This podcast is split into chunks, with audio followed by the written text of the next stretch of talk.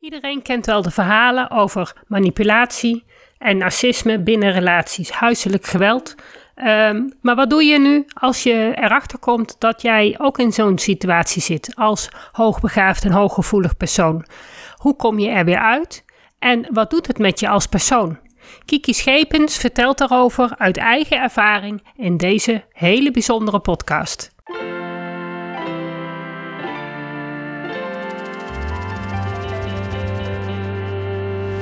Welkom bij de Beelddenkers podcast. Ik ben Natasja Esmeijer van Beeldig Brein en de schrijfster van het boek Beelddenkers als kwartjes vallen. Ik neem jullie mee in de wereld van de beelddenkers. Beelddenkers zijn creatieve, intelligente en zorgzame mensen, maar ze hebben moeite met onze vluchtige, snelle maatschappij.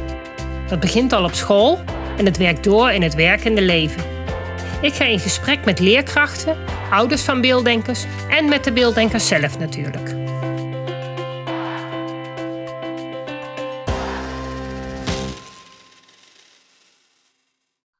Uh, welkom allemaal weer bij de Beelddenkers podcast. Ik ben vandaag in gesprek met Kiki Schepens. Uh, Kiki, zou jij je even voor willen stellen aan de luisteraars? Ja, natuurlijk Natasja en hallo luisteraars. Ik, uh, nou, ik vind het sowieso leuk dat ik in jouw podcast mag zitten. Ehm, mijn naam is Kiki Schepens. Ik ben schrijver, spreker en auteur van het boek Sextortion op het spoor. Momenteel presenteer ik ook een talkshow. En dat schrijven, ja, dat doe ik voor een vrouwentijdschrift, voor mezelf en ook voor andere bedrijven. Dus ja, eigenlijk eh, best wel een veelzijdig persoon heb je in je podcast, denk ik. Ja, zeker. Nou ja, wij kennen elkaar natuurlijk. We hebben elkaar laatst uh, gezien bij een opname van jouw talkshow. -hmm. Dus um, dat was natuurlijk een hele leuke ervaring voor mij. Voor mij ook. Ik vond het leuk je te ontvangen. Ja, ja. Dat was zeker heel erg leuk. Dus nou ja, wij dachten, laten we jouw kant van het verhaal ook vertellen. Ik heb hem vorige week verteld, maar mag jij uh, jouw verhaal vertellen? En jij vertelde mij al dat jij eh, zelf hoogbegaafd bent, je bent hooggevoelig. En dat komt ook terug in jouw boek. Klopt, ja, ja klopt. Ik, heb, uh, ik wilde met mijn boek als doel, hè, sextortion, dat is een vrede vorm van cybercrime. Um, het is gebaseerd op een grotendeels waar gebeurd verhaal. Maar ik wilde met mijn boek een heleboel zaken uit de taboesfeer halen. En dan moet je denken aan zaken als uh, dus sextortion, victim blaming. En mocht iemand dit horen, uh, raad ik altijd aan als je suïcidale gedachten hebt, neem contact op met 113 zelfmoordpreventie. Heel belangrijk om te vermelden. Andere dingen uit mijn boek die ik uh, uit de taboesfeer wil halen, is ook een stukje hoogbegaafdheid en hoogsensitiviteit. En ik heb eigenlijk zoveel mogelijk van al die onderdelen in één boek gestopt. Want het gaat ook vooral over manipulatie, psychopathie. En aan de hand van storytelling, dus aan de hand van het verhaal, neem ik je eigenlijk mee van een heel groot levensdrama. Een boek dat alleen maar verliezers kent, maar dat toch ook mogelijkheden en openingen biedt om door te gaan met leven. Ook al overkomt je zoveel ellende. Ja, nou, dat is natuurlijk wel een beetje het verhaal van heel veel beelddenkers. Misschien niet in zo'n dramatische uh, vorm, maar ik denk dat heel veel volwassen beelddenkers die ik spreek, hebben wel ergens een trauma of, of, of nare ervaringen. Of, ja, het ja. is altijd lastig inderdaad. Zeker hoogbegaafde. Hoogbegaafdheid is iets heel lastigs om te zijn, want... Mm -hmm. Uh, mensen hebben een bepaalde verwachting, hoogbegaafd, nou, dan gaat alles vanzelf. Uh, leren gaat makkelijk. Maar zo werkt het niet helemaal. Nee, en je bent enerzijds een aantrekkingskracht voor mensen, omdat je gewoon heel snel slagen maakt in je hoofd, heel creatief bent. Uh, niet, niet allemaal, hè? niet alle hoogbegaafden zijn hetzelfde, maar er zijn wel een aantal kenmerken die we met elkaar gemeen hebben. Je kunt vaak niet tegen onrechtvaardigheid. Um, dus het kan, je kunt een heel aantrekkelijke persoon zijn voor anderen op dat vlak. Ja, en eigenlijk om dan gebruikt te worden, um, omdat ja. je bepaalde dingen makkelijk ziet en makkelijk kan. En, en heel veel kwaliteiten hebt vooral. Ja.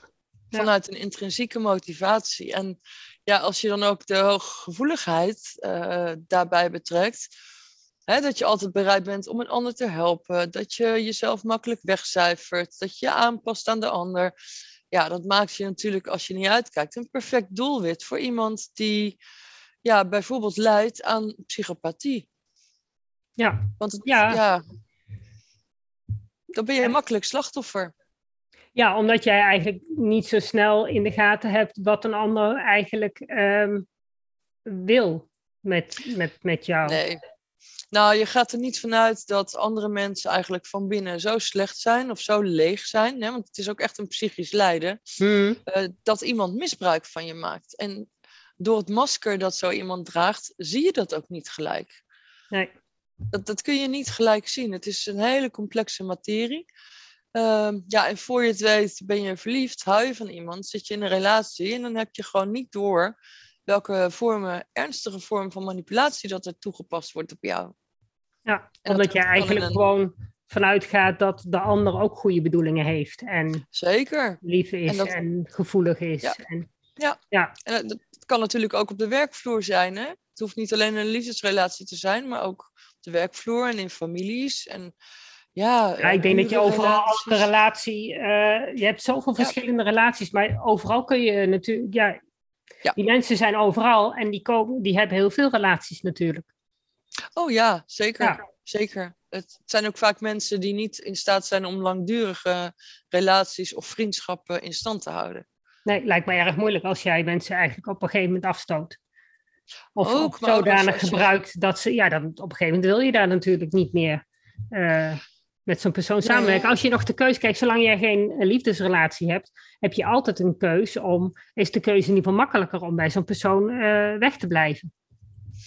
Ja, niet altijd. Want als het bijvoorbeeld de werkvloer is en uh, ja, je bent afhankelijk van je baan, je hebt niet zomaar een andere baan, dan kan dat behoorlijk lastig zijn. En het moeilijke is van zulke personen, ze zijn eigenlijk volledig leeg van binnen. Er is geen empathisch vermogen. En dat maakt het zo ontzettend complex. Want andere mensen die zien het niet, maar jij ervaart er last van. Jij ervaart er hinder van. Ja.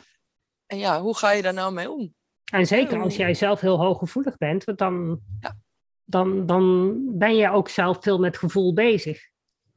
Ja, en, en aan de ene kant voel je dan dingen aan, hè, van dit klopt niet, of nou, wat raar, of wat vreemd. Maar zo'n persoon weet het dan altijd zo te draaien of zo te vertellen, zodat je hem toch gelooft. Ja, ja. En, en, is het dan ook dat je dan eigenlijk niet op je intuïtie vertrouwt op dat moment? In een vroeg stadium? Nou, wat, wat ik heb geleerd, um, om dus inderdaad weer volledig op mijn intuïtie te gaan vertrouwen. Want die heb ik eh, dus eigenlijk uit liefde voor de ander uh, heel vaak aan de kant gezet. En dat is mijn makker geweest. Dat had ik gewoon niet moeten doen. Nee. Maar ja, als je zo gemanipuleerd wordt, op een gegeven moment raak je jezelf gewoon echt kwijt. Maar op het moment dat je jezelf terug hebt gevonden, is het zo belangrijk om echt naar je gevoel te luisteren. Sowieso belangrijk hoor. Of je nou wel of niet slachtoffer bent geweest van ja. uh, narcistisch, psychopathisch misbruik. Gewoon naar je gevoel luisteren, want dat zegt je vaak zoveel of eigenlijk alles. Ja, ja de, de maatschappij waarin wij leven uh, doet eigenlijk niet veel met intuïtie en, en, en je gevoel. Want op school wordt het eigenlijk al afgeleerd om op, op je gevoel uh, bijvoorbeeld een som op te lossen of een antwoord te geven. Het moet in de mhm. tekst staan, het moet volgens een bepaalde methode. Dus die intuïtie en dat gevoel, ja, die krijgt eigenlijk niet heel veel kans om nee. te ontwikkelen. Nee, helaas niet. En dat is, dat is ook iets waar ik me wel zorgen over maak. Want als je ook kijkt, de lesmethoden die op school worden gehanteerd, dat alles volgens het boekje moet. Ja, ja. weet je, hoogbegaafde mensen die, die, ja, die denken top-down en niet bottom-up. Nee, dus nee, dat, dat, dat, lastig. Nou ja, dat is ook waar ons gesprek afgelopen vrijdag over ging. Daar gaat het gewoon ook al fout voor heel veel mensen. En als dat stukje intuïtie, wat, wat je eigenlijk later in je leven zo hard nodig hebt, en zeker als mm. hooggevoelig persoon, die toch sneller gekwetst worden, uh, heb je mm-hmm. juist die intuïtie als wapen. Maar ja, die kun je, die zul je, dat zul je eerst moeten leren gebruiken. Ja, klopt. En dat, dat heb, daar heb je school voor nodig. Ja, ja. Daar heb je school voor nodig. Alleen wat vaak met school is, kijk, er zijn heel veel goede docenten, maar er zijn natuurlijk ook docenten die zelf kampen met een persoonlijkheidsstoornis. Ja, dat ongetwijfeld, want ja, eh, docenten en leerkrachten zijn ook gewoon mensen met hun eigen ja. bagage en eigen karaktereigenschappen en een eigen. En dat is denk ik alleen maar goed dat jij gewoon een diversiteit voor de klas hebt staan, die, maar die moeten eigenlijk wel hun eigen persoonlijkheid en karaktereigenschappen mee kunnen nemen in het klaslokaal. Niet om leerlingen helemaal op een andere manier les te geven, maar wel om te laten zien dat elk mens anders is en dat dat goed is. Zeker. Ja. Maar dat is juist vaak, juist als je anders bent, uh, ja, word je toch vaak. Eh, de kinderen zijn natuurlijk super hard. Um, ja, sommigen wel. ja, en het ene hooggevoelige of hoog, hoogbegaafde kind heeft daar geen last van. Maar er kan ook sprake zijn van uitsluiting. Ja. En dat is niet alleen als kind, maar ook als volwassene. En ja, hoe ga je daar dan mee om? Dat is gewoon verdraaid lastig. Er is ook, als en dat, je dat, dat, gevoelig bent. Ja, dat moet je ook gewoon leren. En, maar dat is wel fijn als dat inderdaad. Want vaak gaat de meeste hoogbegaafde kinderen hebben het al lastig op de lagere school. Mm En in het middelbaar onderwijs is het niet heel veel beter. Um, nee. Maar goed, ja. En het is niet zo dat ze er allemaal uh, echt, echt beschadigd uitkomen. Maar ik denk wel dat er heel veel uh, levenslessen leren. Laten we het zo zeggen. Het gaat ja, niet denk... vanzelf ik denk nog niet eens zozeer op het moment dat je op de middelbare school zit. Hè? Want dan gieren natuurlijk allerlei hormonen door je lijf. Maar pas in je latere leven kom je erachter of dat, dat nou ja, net zoals in jouw boek, hè, als de kwartjes vallen, dat dan pas de kwartjes vallen. Dat je dan pas die verbanden kunt gaan leggen. Oh, daar kwam het door. Ja. Of dat was de oorzaak. Ja, maar toch, als je die, die 12, 13-jarige uitlegt hoe dat denkproces werkt, dan gaan dan de mhm. kwartjes al vallen hoor. Tuurlijk. Ik heb ze zien vallen, echt, echt gewoon um, dat ze gaan terugdenken. Oh, maar toen, oh ja, en oh ja, toen dacht ik dat ook. En dat, dat is al zo waardevol als je um, met dat besef en die kennis al je puberteit doorheen moet. Zeker, vooral dat die zelfkennis. Ja, dat Vooral die zelfkennis. Ja. ja, dat helpt je ook echt om uh, ja, te reflecteren, uh, te projecteren en om ook voor je persoonlijke groei. Ja. Ontzettend belangrijk. Ja. Nou, maar inderdaad, als je er zelf achter moet komen, ja, dan is het pas op het moment dat je aan het werk bent en inderdaad echt tegen de lamp aanloopt en de, achter, ja. ja dan moet je de hardware uh, erachter komen. Ja. ja, en door systemen en allerlei regels. En als je dan met ideeën komt, dan zijn er altijd wel mensen die um, nou ja, die vind je dan of arrogant hè, of uh, een bedweter. Terwijl je, je ziet het verband al lang, alleen de rest ziet het nog niet. Ja, en dan is het soms echt verdraaid lastig om uh, daar tegenaan te boksen. Ik denk ook wel dat dat een van de redenen is dat heel veel hoogbegaafde mensen gewoon zelfstandig ondernemen. Omdat ze dan zelf kunnen bepalen en hun eigen pad kunnen volgen. Ja, ja, ik denk het ook, want dan heb je niet te maken met een baas. Je hebt niet, hoeft niet uh, met andere mensen rekening te houden. Nee, wordt het er even wel een stuk makkelijker van. Ja, zeker. Ja. En je kunt gewoon je eigen plannen maken, zo creatief zijn als je wilt. En uh, alleen, je moet dat ook wel durven. Ja, zeker. En dat is denk ik voor uh, beelddenkers vaak ook weer lastig van met geld omgaan. hoe ga je andere mensen vragen of ze voor jouw diensten willen betalen. Dus mm -hmm. wel weer iets wat, wat. En het brengt heel veel onzekerheden met zich mee. Je hebt niet een van tevoren een, een duidelijk plaatje van, oh, dat gaat het worden en die kant moeten we op. Ja, dan moet je het zelf gaan bepalen. Maar er zijn zeker heel veel um, beelddenkers die op school uitvallen, maar succesvol een eigen onderneming beginnen. En, ja. en eh, zonder diploma gewoon wel gewoon het leven omarmen en, en, en gaan ondernemen. Ja, en heel veel ouders ook zijn. Ja, zeker. zeker. Ja.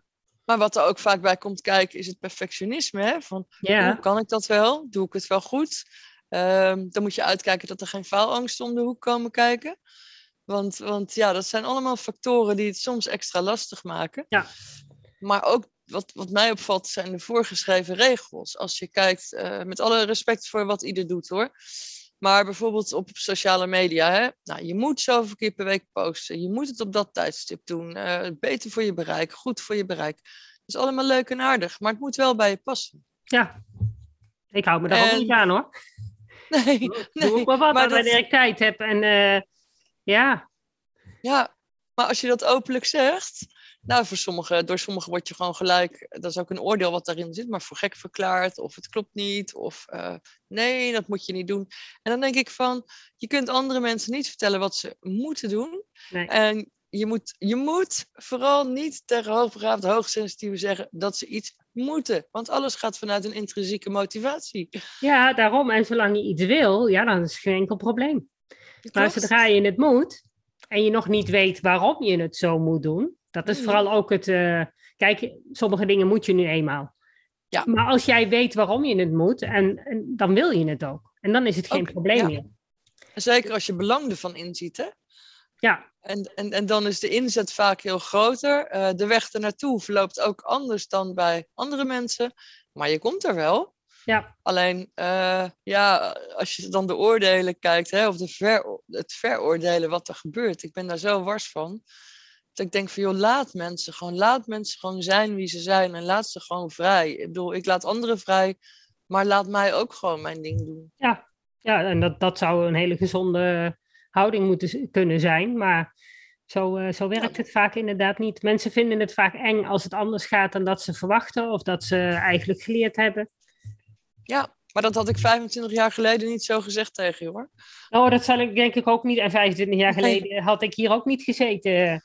Maar uh, ja, dat is natuurlijk ook een beetje het, voordeel als je inderdaad levenservaring hebt, dan uh, kun je van daaruit ook spreken. Dus we moeten ook de jeugd ook gewoon vooral ook zelf laten ontdekken van hoe het voor hun werkt.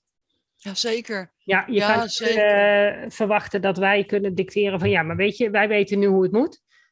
Dat gaat niet. Dat werkt niet. Mensen, het, het, het leven is een heel proces, een hele weg. Die moet je zelf uh, ontdekken. We kunnen wel sturen.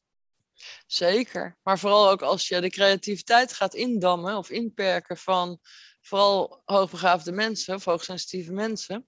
Ik denk trouwens van iedereen hoor. Als je die gaat indammen, ja, dat is gewoon dodelijk. Dat is gewoon ja. Ja. killing. En uh, nog even terug naar jouw boek. Want ja. um, kun je een beetje vertellen waar het boek over gaat? Behalve dan wat we al gehad hebben. Ja, nou ja, het, het, uh, kijk, ik zeg al, het is grotendeels uh, waar gebeurd verhaal, gebaseerd op wat ik heb meegemaakt. Mm Ik heb het alleen anders geschreven, omdat ik een aantal mensen wilde beschermen. Uh, en ook als ik de hele waarheid had geschreven, dan had mijn boek volledig zijn doel voorbijgeschoten. Waar het boek over gaat, um, gaat er over een vrouw die denkt dat ze de liefde van haar leven heeft ontmoet. En daar zou ze mee gaan samenwonen, totdat hij van de ene op de andere dag suïcide pleegt. Um, maar ja, dan komt de politie eraan te pas. Hè, ze moeten uitsluiten of er geen sprake is van een misdrijf.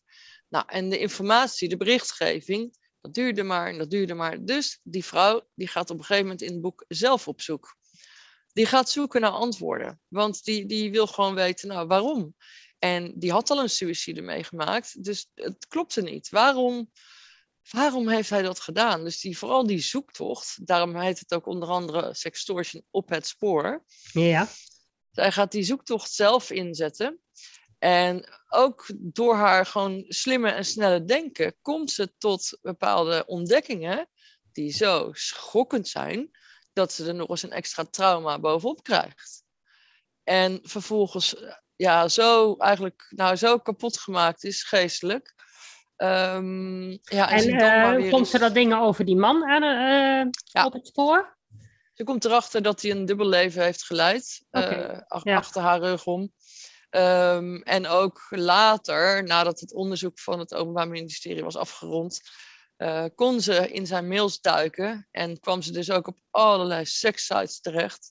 En zo is ze ook dus tot de ontdekking gekomen dat hij eigenlijk homoseksueel was, maar dat voor heel de wereld wilde verbergen. Oh, dat is ook interessant. Ja, uh, gewoon bizar. Ja, gewoon bizar. Ja. Dat iemand dat uh, ja, niet heeft uit durven spreken. Nee. Maar dan, en dan iemand zo misbruikt heeft, hè, om voor de buitenwereld te doen alsof hij een, een leuke vrouw heeft. Ja. Terwijl het eigenlijk zelf wel wist. Ja, ja, en zou het dan ook kunnen zijn, ja, dan ga ik, dat is natuurlijk helemaal een andere psychologie. Um, zou, zou het ook niet zijn zoektocht eh, kunnen zijn geweest van hoe krijg ik het voor elkaar om toch nog een fatsoenlijk leven te leiden? Nou nee, want iemand die geen empathie heeft, die denkt alleen maar aan zichzelf, die denkt daar niet aan. Nee, nee, dus hij heeft gewoon puur en alleen, hij had iemand nodig om voor zichzelf, het, het, het, ja, voor, voor de buitenwereld, het plaatje op te houden. Klopt. En, en dan ga je dus zoeken als vrouw van waarom doet iemand zoiets? Want daar neem je geen genoegen mee, hè? Nee. Waarom heb je het niet verteld? Wat is er aan de hand? Wat heb je allemaal gedaan? Ja, want als hij, als hij dat wel had gedaan, dan had je samen een oplossing kunnen verzinnen. En dan was hij waarschijnlijk veel beter geholpen geweest. Want hij had in zichzelf kunnen ontdekken en, en, en, en zichzelf kunnen begrijpen en accepteren. En had hij gewoon een, een, een goed leven kunnen hebben. Nou, sterker nog, ehm, kijk, ik denk sowieso dat iemand die zo lijdt hè, aan zo'n uh, stoornis, die zal nooit gelukkig zijn. Nee, en ik denk dat je, op een gegeven moment ook misschien niet de, de capaciteit niet hebt om om te denken. Om nee, het is bijna onmogelijk. Ja. Het is bijna onmogelijk om te genezen van psychopathie. Dat is echt, dat is niet mogelijk. Maar als ik het had geweten, als hij het mij eerlijk had verteld, mm natuurlijk was ik dan ook helemaal kapot geweest. Maar dan had ik hem uh, niet zomaar laten vallen. Dan had ik hem geholpen. Was ik met hem meegegaan naar de politie. En uh, dan had ik zelfs, denk ik, overwogen om voor de buitenwereld de relatie nog een tijdje in stand te houden. Um, zodat hij verder had gekund met zijn leven. Zo, zo bereid, zo ver was ik bereid om voor hem te gaan. Ja. Dus kun je nagaan hoe ver dat kan gaan, hè, dat misbruik. Ja. Ja, en weet je, eh, en, en merk je dan ook dat je, um, want dat hoor je vaak, hè, dat mensen die in zo'n situatie hebben gezeten, dat ze eigenlijk weer daarna weer in zijn eigen, in zo'nzelfde situatie terechtkomen. Ja, dat hoor je heel vaak. En um, ik heb mezelf afgevraagd en ook, ook daar weer onderzoek naar gedaan. Hè, mhm. hoe kan ik dat nou voorkomen? dat is het voordeel van een hoogbegaafd brein. Die gaan het lekker uitzoeken. Die gaan het lekker zelf uitzoeken. Um, ja, dat heeft, heeft vaak te maken met uh, trauma. Het kan, Trauma kan allerlei oorzaken hebben. Um, maar ik heb ook uh, aan mijn boek een businessmodel gekoppeld, FEACH. En dat is F-E-A-C-H. Eigenlijk ook bedoeld als een soort van way of life, een methode waarmee ik er zelf bovenop ben gekomen en waarmee ik dus er zelf ook voor kan zorgen dat me dat gewoon nooit meer gebeurt. Nee. En ja, het mooie is, en hoe, hoe wrang en triest en verdrietig de hele geschiedenis ook is, het heeft mij geholpen. En toen dacht ik van ja, maar ik wil daar ook voor anderen wat mee betekenen. Dus jij kan eh, mensen die in een, in een uit een vervelende situatie komen, ervoor zorgen dat ze niet weer teruggaan in diezelfde situatie. Ja, of zelfs zitten. Ja. Ik heb het eh, afgelopen, afgelopen jaar een aantal vrouwen begeleid die zich in een uh, huiselijk geweldssituatie bevonden. Ehm, en ja, die heb ik eh, begeleid om te ontsnappen daaraan. Oh, wat goed. En, ja, ja heel, heel dankbaar, heel mooi. Ja, dat geloof ik. Ja, het zijn wel zware processen hoor. Ja, dat, ja dat, dat, dat gaat niet zomaar, want... nee, nee. Anders waren ze al lang weg geweest uit zo'n relatie natuurlijk. Ja, dat gaat ja, maar dat is juist het punt. Ja. Nee, dat is juist het punt. Als je zo gemanipuleerd bent, uh, durf je ook niet zomaar weg. Plus dat er vaak, ook als er sprake is natuurlijk van fysiek huiselijk geweld, uh, ja, dat er gedreigd wordt. Hè? Van als je me verlaat, krijg je de kinderen niet meer te zien. Of, ja, uh, ja en, en, dat, gaat heel, dat sluipt er als het ware gewoon in, zodat mensen ook werkelijk niet durven. Nou, hoe mooi is het dan als je iemand handvatten kan aanreiken om ervoor te zorgen dat ze excuus, dat ze toch die, die stap nemen om weg te gaan. En, Maar dat is heel onzeker. En ja. ja. daarna merk ik ook dat vrouwen, vooral vrouwen um, die ik begeleid, ook tegen heel veel dingen aanlopen. De onzekerheid, de zoektocht. Echt om zichzelf weer terug te vinden. En want dat, dat doe je niet 1, 2, 3. Nee, maar het doet wel iets met jezelf en met je zelfvertrouwen natuurlijk. Dat heb je ook niet zomaar terug. Nee, zeker niet. Nee. Nee, dus je moet echt uit kunnen gaan van je eigen krachten.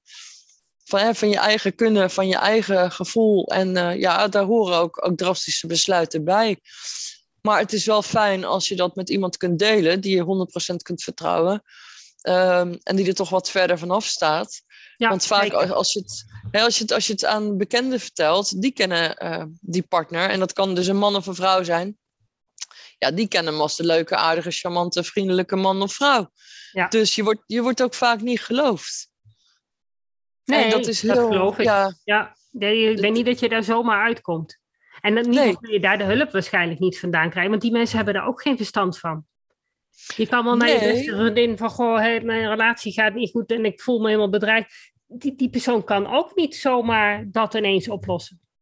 Nee, dat klopt. En wat ik zelf ook ervaren heb, is dat ik uh, dat mijn huisarts zei destijds van ja, je moet eens naar een psycholoog. Ik dacht, nou ja, goed, laat ik dat maar doen dan. Met alle respect, daar ben ik twee keer geweest. Dat ik tegen die vrouw zei. Dat was een hele lieve vrouw.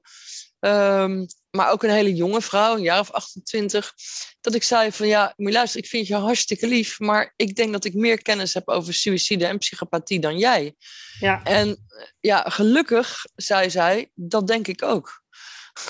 ja, gelukkig. Hè? Want nou ja, fijn dat je een eerlijke psycholoog tegengekomen bent. Maar ja, ja dat, heel dat... integer. Ja. Heel integer. Maar dat raad ik ook mensen altijd aan. Hè? Van, als je hulp zoekt, uh, sowieso zijn er heel veel wachtlijsten. Dus dan is het hmm. mooi als je ja, bij mij terecht kunt als een soort tussenstap. Totdat je wel die, die GGZ in kunt. Maar als je die GGZ ingaat, zorg dan dat je iemand vindt, een, een professional, die ook daadwerkelijk kennis heeft van zaken. En van jouw probleem. Ja. Want ik kan me dus voorstellen dat er, je komt met heel veel verschillende vragen, kun je naar een psycholoog. Ja, en het nadeel is, ja, vaak kun je daar een half uurtje terecht, één keer in de week of één keer in de twee weken. Maar dat is voor slachtoffers van huiselijk geweld niet genoeg. Nee, nee dat denk ik ook niet, zeker in het begin niet. Nee, en, dat is hulp geen verwijt. zijn op het moment dat jij het nodig hebt. Ja. ja, en dat is geen verwijt hoor naar alle psychologen, maar hen ontbreekt het ook aan tijd. Ja, tuurlijk, want er zijn nog heel veel mensen die hun nodig hebben. Zeker. Ja. Zeker. En het, ja, het is gewoon mooi als je mensen daarin kunt begeleiden. Ja, maar goed, ik heb, ik heb daar wel eerst zelf voor moeten herstellen, dingen begrijpen. Ja, uh, maar wel mooi dat je dat hebt voor elkaar hebt gekregen en dat je er ook achter bent gekomen hoe dat bij jou gewerkt heeft. Ja, maar ik, ik denk ook dat vergeving is, dat zeg ik ook altijd, dat is echt het sleutelwoord tot alles. En uh, sommige mensen denken van ja, hoe kun je nou iemand vergeven die zo slecht voor je geweest is? Maar ja ik, ja, ik heb geleerd dat je als je genoeg zelfliefde hebt, vergeef je iemand anders voor jezelf. Dat doe je in de eerste plaats voor jezelf. Want als je met boosheid en wrok rond blijft lopen, nou, dan word je gewoon verscheurd. En, en, en ja, als je zo oud wilt worden, nou, ik wilde dat niet. Nee, dat lijkt mij ook niet. Nee. Maar, ik vind het wel heel knap. Ja, ik eigenlijk ook wel. Ja, ja, ja, ja. Het, uh, ja. Het, is, het is mogelijk. Het is echt mogelijk. Alleen, ja, je moet daar wel echt voor knokken. Nou, en ik denk dat het ook belangrijk is, ehm, want wij zijn natuurlijk met een cursus uh, hebben we ook gemaakt hè, over uh, beelddenkers, maar ook over gedrag. Mhm. En um, in onze, ons stukje hoofdstuk voor gedrag um, is het ook altijd heel belangrijk, zeker als, als je kinderen hebt met ongewenst gedrag, van kijk mhm. even achter het gedrag. Wat is nou de oorzaak van dat gedrag? Ja. Ik bedoel, um, het is een persoon, maar een persoon die wil niet altijd alles, uh, die, die, laat wel gedrag zien, maar uh, de oorzaak van het gedrag is vaak anders dan dat je aan de buitenkant ziet.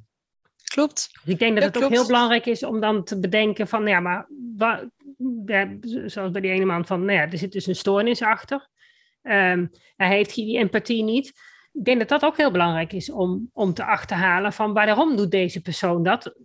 Waar, waar heeft hij zelf behoefte aan, waardoor hij dit gedrag laat zien? Om niet, om niet om het goed te praten, maar wel om, om, om de kern te achterhalen. Zeker. En nou is dat bij een overleden persoon, sowieso ook bij een levend persoon, heel moeilijk. Want iemand zal zich niet gauw laten behandelen. Hè? Nee, nee, nee. Zo'n persoon. Want die, die vindt zichzelf geweldig en fantastisch. En, en het ligt altijd aan de ander. Ja. Ja, die heeft die zelfreflectie niet. Nee. Maar als je inderdaad begrijpt waar iemand vandaan komt, dan kun je wel de keuze maken van nou, blijf ik de rest van mijn leven boos op iemand? Of heeft het gewoon zo moeten zijn in het leven dat wij elkaar pad hebben gekruist, omdat we van elkaar hebben moeten leren? Ja, ik denk dat laatste. En ja, als, het is een keuze, hè? slachtoffer worden, daar kun je niks aan doen. Want, want even goed, de hoofdpersoon in mijn boek, mijn overleden partner, die is even goed slachtoffer geworden. Heeft hij ook niet ja. omgevraagd. Nee. Ehm, maar je kunt er wel voor kiezen om uit die slachtofferrol te komen. Dat is echt een keuze. Alleen dat heeft ook weer te maken met de veerkracht van je brein. Ja. Want niet, niet iedereen kan dat. nee. Nee, en dat is heel, heel erg. Um, maar door het dingen inzichtelijk te maken, door ze ja, begrijpbaar te maken, maakt het ook grijpbaar. En als Mhm. je die, die handvatten kunt geven, waar iemand zich aan vast kan houden, ja, dan, als je die, die grijpt, dan kun je groeien. En dan kun je herstellen. Ja, Want dat, Ja, maar- dat is echt mogelijk. herstellen gaat ook pas nadat je het eerst begrepen hebt, geaccepteerd hebt dat het zo is. En dan Ja. pas kun je naar oplossingen zoeken. Ja, En dat is ook dat- wat ik, eh, de definitie van trauma. Trauma is iets wat jou overkomen is. Maar Mhm. trauma ehm, is ook hoe jouw brein erop reageert.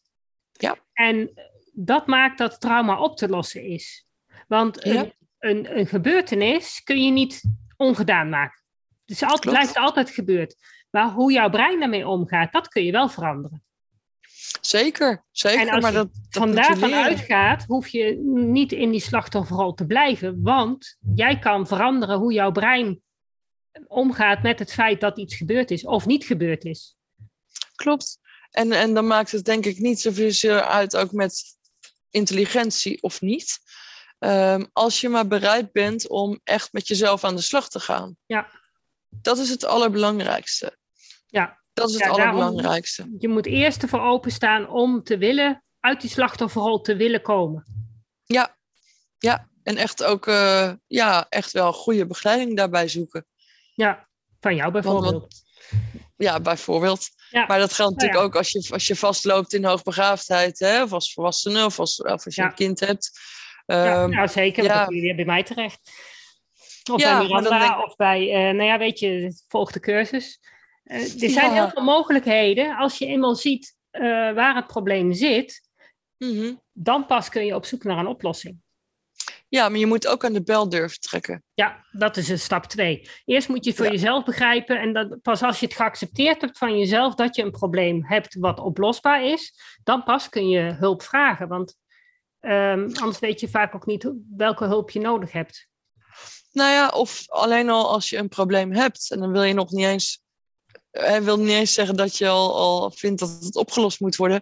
Maar sowieso, als je een probleem hebt en je komt er zelf niet uit, ja, dan is het toch wel een goede zaak om hulp te gaan zoeken. En Ja. je moet ergens beginnen. Dat klopt.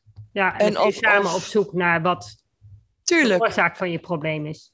En er zijn altijd mensen bereid om met jou mee te denken. Ik wil niet altijd zeggen dat ze met goede ideeën aankomen, hè, want Nee, moet maar net bij je passen. Ja. Maar er zijn altijd mogelijkheden. Alleen, ja, die moet je wel kunnen blijven zien. ja, en je moet ze kunnen vinden. Ja, Moet ook, eh, Ja. Toevallig moet ook de juiste persoon op je pad komen. Ja, maar er zijn ook wel vaak als je hulplijnen gaat, gaat aanschrijven of aanspreken. Er zijn altijd mensen die connecties hebben. En Ja, ik vind klopt. ook als hulpverlener moet je ook eerlijk kunnen zeggen van nou, moet je luisteren, ik denk niet dat ik de juiste persoon ben voor jou, maar ik weet nog wel iemand. Ja. Ja. En vooral, vooral eerlijk blijven ook. Ja, want het heeft geen zin eh, om, om, om een behandeling te starten als je weet dat het toch niet gaat werken. Dat, dat, dat, Nee. dat heeft geen zin. Nee, en ik, ik vraag ook altijd aan mensen, is dit echt wat je wilt? Want als iemand niet wil, Nee, ja, dat heeft dan- geen zin. Is het gedoemd om te mislukken. Ja. En dat is En zonde. soms hebben maar- mensen dat ook nodig, om, om, Ja. omdat ze daardoor erachter komen, nou, dit was niet de juiste weg. Nou, misschien dat, we, dat ze dan uiteindelijk wel op de goede weg terechtkomen. Maar Ja, zeker. Ja. Zeker. Maar wel altijd, als je een probleem hebt, eh, eh, praat erover. ja, want als het in jou blijft, weet niemand aan de buitenkant dat jij een probleem hebt. Nee, en wat er gebeurt is dat je alleen maar dingen opkropt en voor jezelf houdt en dus eigenlijk steeds ongelukkiger wordt. Nou ja, iedereen wil, wil toch eh, gelukkig zijn, denk ik. Ja, ja op je eigen niveau gewoon, je moet gewoon fijn de dag doorkomen. En dat wil niet zeggen dat je altijd geluksmomenten moet hebben, maar je moet wel gewoon je werk doen en, en, en gewoon jezelf prettig voelen. Ja, nou, ik geloof als het ooit mijn tijd is, dat ik dan mijn ogen kan sluiten. Ik denk van nou, ik heb heel veel rotdingen meegemaakt, maar ik heb toch eigenlijk best wel een mooi leven gehad. Ja. Hè, als je dat in die end kunt zeggen, en je weet nooit wanneer die end daar is, Nee, maar het is wel zaak om de kwaliteit van je leven zo in te richten dat je daar naartoe werkt. ja, Zodat je zeker. dat op een gegeven moment kunt zeggen. Wat je ook doet in het leven, hoe je ook in het leven staat. Eh, ja, dat zou toch mooi zijn? Ja, zeker. Ik denk dat Ja. dat voor iedereen het ultieme doel is. En dat wil niet zeggen dat je heel rijk hoeft te zijn. Dat hoeft niet te zeggen dat je eh, honderden vrienden hebt. Maar je moet er een paar hebben en je moet gewoon jezelf nuttig voelen en, en, en het idee hebben dat jij ook wat betekent voor een ander en voor jezelf. En dat je gewoon vrede hebt met jezelf. En dat is nou zo mooi dat je dat zegt, want ik vind dat juist het ultieme gevoel van rijkdom, want dat zit in jezelf. Ja, gewoon het feit dat je s morgens opstaat en weet van, nou ja, ik, ik ga gewoon iets doen waar ik zin in heb en waar ik weet dat ik gewoon nou ja, mensen bij helpen. Tenminste, dat vind ik dan prettig. Ik, het ligt er wat voor werk je hebt natuurlijk. Kan, als je in de koekjesfabriek werkt, dan denk je, nou ja, weet je, ik heb je koekjes gemaakt vandaag. Worden mensen weer gelukkig van? Noem maar wat. Uh, iedereen heeft werk wat uiteindelijk ergens nuttig voor is. We hebben elkaar allemaal nodig in de maatschappij. Ja, daarom. Uh, Of je nou en... uh, vuilnisman of, of, of minister bent, dat maakt eigenlijk niet heel veel uit. Nee, we, we zijn allemaal mensen. Ja. En, en ja, ik, ik denk gewoon van, van ja, als je rijk, als je rijk bent, als je gewoon tevreden bent met jezelf, uh, zonder, uh, moet ik het zeggen, dat je leidt aan grootheidswaanzin, hè, want dat is niet fijn voor anderen. Maar als jij gewoon elke avond dat je gaat slapen, jezelf recht in de spiegel kunt kijken en gewoon blij bent met jezelf, gewoon om wie je bent, en dat je weer een nieuwe dag is gegeven. Nou, dat is toch mooi? Ja, meer hoeven we niet te hebben, toch? Nee, eigenlijk nee, niet. Eigenlijk niet. Eh, maar de, de basisomstandigheden uh, moeten daarvoor in orde zijn.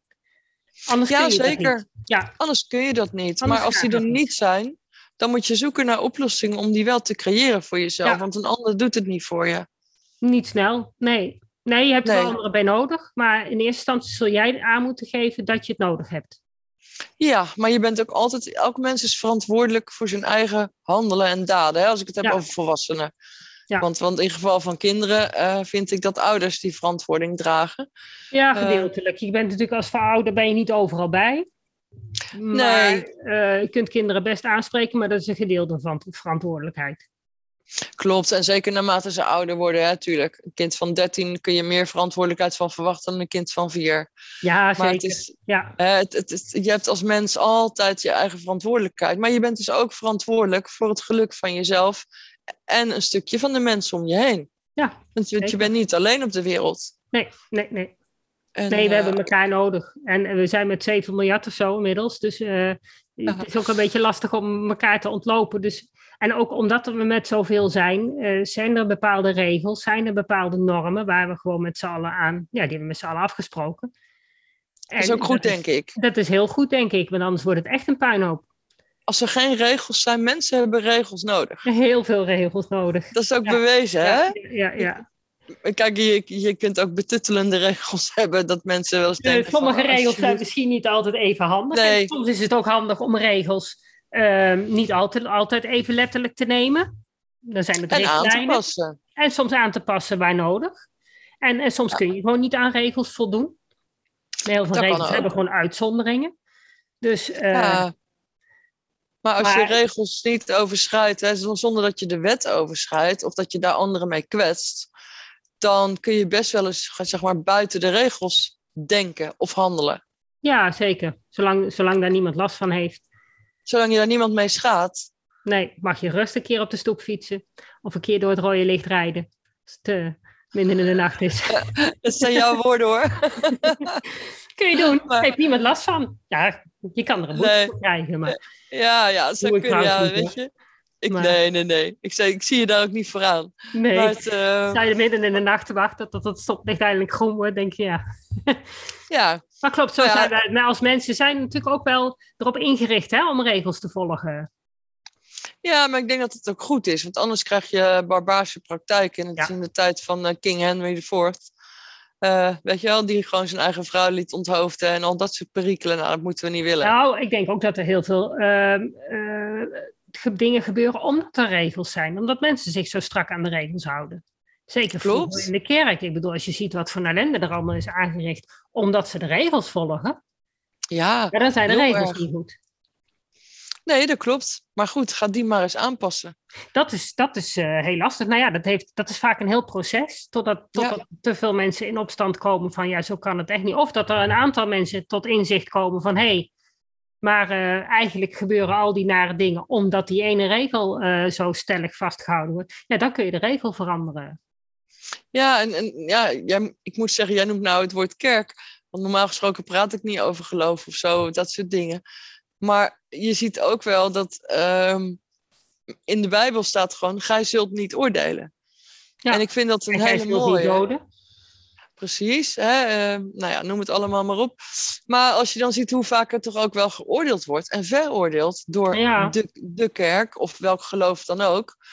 Dan denk ik wel eens, jongens, lees even die tien geboden en kom dan nog eens een keertje terug. Ja, daarom. Als je ziet hoeveel oorlogen er gevoerd worden, alleen maar omdat ze net even wat anders geloven, terwijl ze eigenlijk uiteindelijk in hetzelfde verhaal geloven. Ja, ja dat, is dat is best heel jammer. Dat vind ik heel erg. Ja. Dat vind ik heel erg. Want, want waarom zou het ene geloof slechter zijn dan het andere? Ja, of beter. Of, uh, nee, daarom, ik heb ja. laat iedereen in zijn waarde. En als iemand daar inderdaad behoefte aan heeft of daar uh, steun uithaalt uh, door te geloven, prima. En, en dat is heel fijn voor een persoon. Ik denk dat dat heel, heel, heel waardevol kan zijn. Ja, maar dring dat... het ander niet op. Precies, maar als dat stukje geloof diegene zijn dagelijkse portie geluk brengt. Nou, ja. hey, fijn, fijn toch voor de ander? Zeker, dan heb je daar gewoon heel veel, uh, haal je er zoveel uit.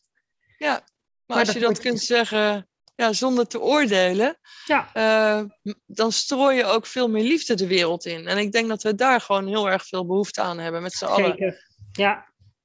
Gewoon, ja, gewoon lief zijn voor elkaar. En dat klinkt zo makkelijk, maar... en nieuwsgierig zijn naar de ander. Nieuwsgierig zijn naar de ander van, hé, hey, hoe, wat heb jij nodig om dat stukje geluk te hebben. Oprechte interesse ook ja, tonen. oprechte interesse in van, hé, hey, uh, waar heb je op dit moment, wat, wat, wat kan ik doen zodat het voor jou wel prettig is? Als iemand ergens last van heeft. Ja. ja, precies. Maar dat merk je ook vaak. Hè? Dat, ik, dat stukje ook uit mijn boek. Dat heb ik ook werkelijk meegemaakt. Dat mijn partner uh, was overleden. Nou, net uh, drie maanden later was het kerst. Ik kom iemand tegen die ik lang niet heb gezien. En die zegt van, joh, wat ga je dit weekend doen hè, met de kerst? Ik zei, nou ja, niks, niks bijzonders. Ja, heel mijn hoofd stond er niet naar. En uh, ik krijg een heel gesprek over dat ze ging gourmetten met de familie. En ze neemt afscheid en ze zegt, nou meid, fijne feestdagen. Hè? En dan denk ik van, hallo. Oh, heb je wel geluisterd? Heb je wel ja, geluisterd? heb je wel geluisterd. Ja, Maar tegelijkertijd dacht ik achteraf ook van, nou, hier ga ik dus mijn tijd niet meer aan verdoen. Nee, nee. en het is ook een stukje gewoonte.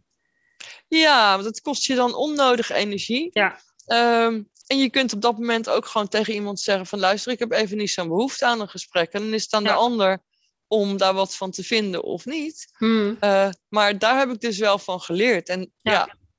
dan word je dus ook wel eens uitgemaakt van, van zo, zo, jij bent echt hard zeg. Hmm. denk ik, ja, denk dat maar. Ik ben niet hard, ik, ik ben lief voor mezelf. Want ja, ik bescherm zeggen, je beschermt jezelf, ja.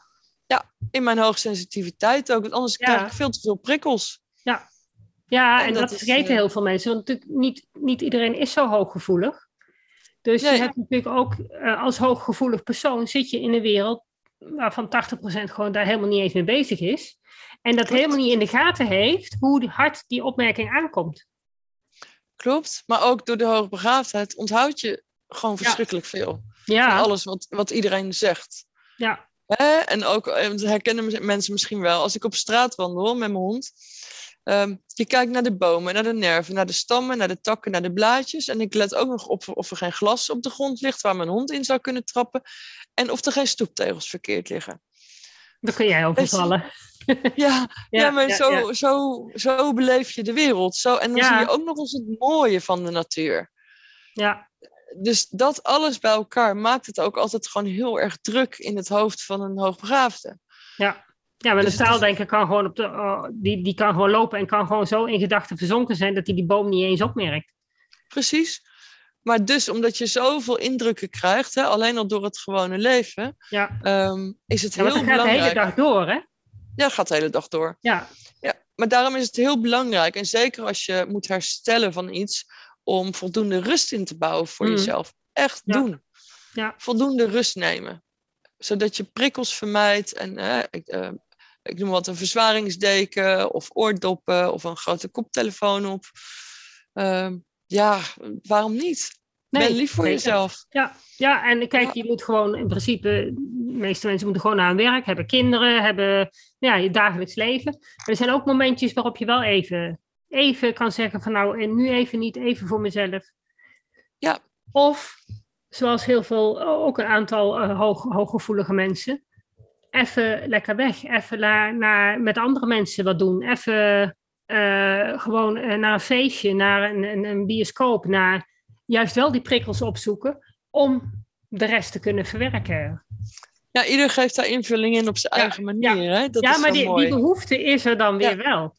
Zeker, zeker. Maar wat ik heb geleerd is ook als ik dus inderdaad naar een feestje ga en als ik er niks aan vind en, en ja, vroeger zou ik dan mijn tijd uitzingen of een Mm. paar uurtjes blijven. Maar als ik nu denk van nou, ik voel me hier niet prettig of ik, het voelt niet fijn, dan ga ik gewoon weer weg. Ja, daar heb je het er gewoon niet voor over om volgende dag overprikkeld te zijn.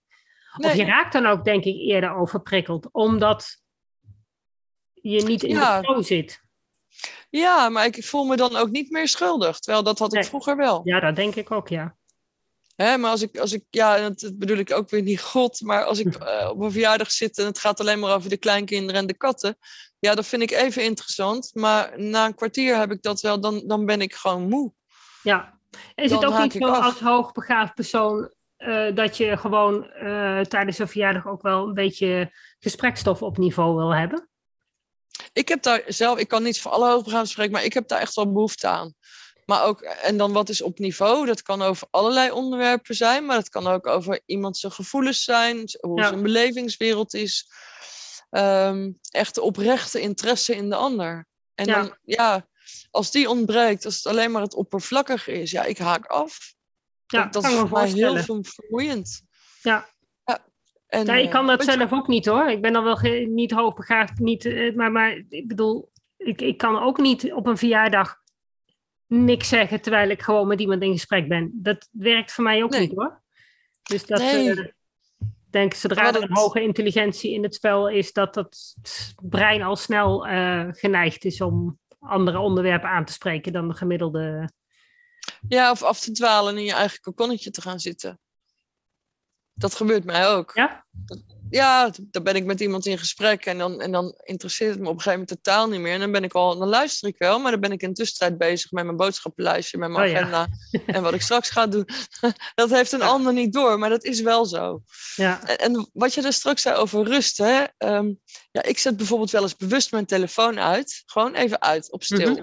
Dan wil ik gewoon niet gestoord worden. Maar de manipulatie die dan weer optreedt van anderen, ja, ik heb je gebeld, maar ik krijg je niet te pakken. En ja, wat ik dan tegenwoordig zeg, van nou, je spreekt me nu toch? Ja. Ja, dan denk ik, ja, als het echt zo dringend was, eh, ja, je kunt me op allerlei manieren bereiken, maar er wordt vaak verwacht dat mensen gewoon 24/7 bereikbaar zijn. Ja, en soms ben je dat niet. Als ik met een klant bezig ben, nou, de telefoon, als die gaat en ik, heb, en dan- en ik hem kan hem oppakken, pak hem hem vaak wel op. Maar ja, als ik mijn Mhm. telefoon beneden laat liggen, ja, jammer dan. Ik bedoel, Ja, maar na een ander heeft daar geen zicht op. Nee, Nee, nee maar er wordt wel vaak geoordeeld. Ja, klopt. Ja. Weet je wat ik nou zo. Dat, ik gebruik nu geen Facebook meer hoor. Ja, alleen om dingen door te posten van Instagram. Eh, maar vroeger was het zo. Dan vroeg je aan iemand: eh, hoe is het met je? Heb je het niet gezien op Facebook? En dan dacht ik. Huh? Ja, nee, je. nee, dat, eh, nee, Facebook is voor mij geen middel om eh, mensen, de levens van andere mensen in de gaten te houden. Nee. Nee, maar ik vind het ook helemaal niet interessant of iemand nou kiespijn heeft naar de tandarts. Nou, ik heb inderdaad mensen die continu alleen maar op Facebook zeggen van nou, ik ben nou in de achtertuin bezig en eh, de hond eh, heeft de leuke kuntjes uitgehaald. Ja, dat vind ik niet interessant. Nee, ik ook niet. Dat, dat Nee. zijn mensen die ik niet blijf volgen op Facebook. Dan heb ik zoiets van nou, die zetten we even ergens onderaan het lijstje. Want Ja. daar heb ik niks mee. Nou ja, dat is voor mij de reden dat ik er op een gegeven moment gewoon mee gestopt ben. Want ik denk van ja, ik kan dit gewoon niet meer bijhouden van iedereen. En eh, ja, ik, ik vind het ook contact gewoon in real life veel boeiender. Het zeker, Eh, ik ga niet eh, en- met en vrienden heb ik niks met eh, Facebook of zo. Volgens mij zitten die niet eens op Facebook of heb ik ze niet op Facebook. Maar de Nee, vrienden die zie ik gewoon live. Maar Ja. of we bellen Dat- of we appen. Maar eh, Facebook is puur voor ehm, nou ja, luisteraars, eh, andere mensen. Ik vind het gewoon heel interessant. Het zijn allemaal Facebookgroepen waar allerlei eh, problemen. En ik probeer dan ook gewoon op die manier ook mijn, mijn steentje bij te dragen. Goh, kunnen ze eh, een stukje op weg helpen, kennis delen. Dat vind ik heel fijn op Facebook. Ja, maar dat is mooi als dat jou gelukkig maakt, toch? Ja, ja, daarom. En dan, dan heb ik zoiets, dat vind ik prettig. Maar om inderdaad de, de, de levens van mensen van binnen te bekijken, nee, dat, uh, dat hoeft voor mij ook niet.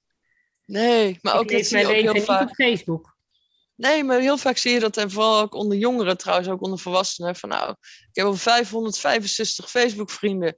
En dan zeg ik ja, en hoeveel heb je er in real life? Ja. En dan wordt het vaak akelig stil. Ja.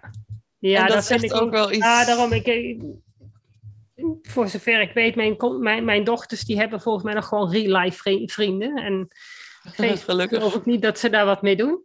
Dus, maar ja, Discord en zo, dat zijn dan maar dat is dan meer ehm, filmpjes en zien ze elkaar dan nog wel uh, via de video. Ja, dat zijn dan mhm. vaak mensen uit het buitenland. Dus dan is het wel weer, ja. weer prettig dat ze elkaar dan wel vinden, omdat dat vaak de mensen zijn die bij hun passen.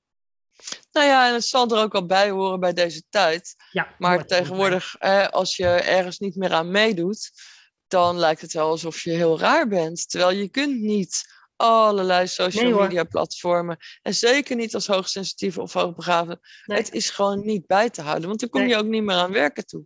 En je kan ook gewoon uh, eventjes gewoon twee keer per dag even kijken. En kijken van, uh, ik kijk vaak alleen maar bij de, bij de berichten van, goh, wat, uh, of ja. daar nog wat interessant. Ik ga echt niet continu dat hele Facebook door scrollen. Daar heb ik helemaal geen tijd voor. Nee hoor, ieder geeft daar zijn eigen invulling aan. Alleen het mooie is om, om oordeelvrij te blijven over ieder. Ja. Ja, ieder moet voor zichzelf weten hoe hij dat prettig vindt. Ja, vind ik ook. Ja, en als jij tijd over hebt, kan het ook gewoon uh, een leuke bezigheid zijn om jezelf uh, misschien even. Het is soms ook lekker ontspannend, even gewoon daar doorheen te scrollen. Oh ja, dat kan. Ja, dat kan. En, en, daar is iedereen vrij in. Ja, daarom. Maar vooral dat vrijlaten, dat vind ik zo belangrijk. Ja. ja. dat je mensen zullen we daarmee afsluiten? Oh, dat vind ik goed. Oh ja, we zijn al de hele tijd aan het praten. Ik heb de tijd vliegt. Kletsen ja. door. Hey, ik wil jou heel erg bedanken. Was, nou, ik wil jou ook bedanken. Ja, graag gedaan. En uh, dat was een fijn gesprek. Dus ik denk dat ja. de hoop luisteraars weer uh, een stapje verder zijn. Nou, laten we het hopen. Hè? Dat doen we tenslotte voor, voor het grotere geheel, Natasja. Ja. ja. Hey, dankjewel. Hey, jij ook bedankt en het beste. Dat was het weer voor vandaag. Bedankt voor het luisteren en superleuk dat je erbij was. Ik hoop dat je weer een beetje meer ontdekt hebt hoe gaaf, maar ook hoe lastig het kan zijn om een beelddenker te zijn in een wereld die is ingericht voor taaldenkers. Wil je meer weten? Lees dan mijn boek Beelddenkers als kwartjes vallen. Wil je op de hoogte gehouden worden van alle informatie die ik deel over beelddenkers in het onderwijs? Klik dan op de abonneerknop in je podcast-app. Wil je dat dan meer mensen op de hoogte zijn van hoe beelddenkers anders denken? Laat dan een review achter, zodat er steeds meer mensen in beweging komen om het beelddenken serieus te nemen. Heb je nog tips of vragen? Of ben jij of je kind een beelddenker en wil jij je verhaal delen? Laat het me gerust weten. Wil je als ouder of leerkracht echt weten hoe het allemaal werkt bij je kinderen of bij jezelf? Kom dan naar een van de cursussen. Duik helemaal in het onderwerp en kom erachter dat beelddenkers helemaal niet zo anders zijn en best in ons onderwijssysteem passen, als je maar weet hoe ze denken. Ik geef speciale cursussen voor ouders en voor professionals. Voor meer informatie ga je naar www.natasjaesmeijer.nl. Samen gaan we voor een beelddenkvriendelijke wereld.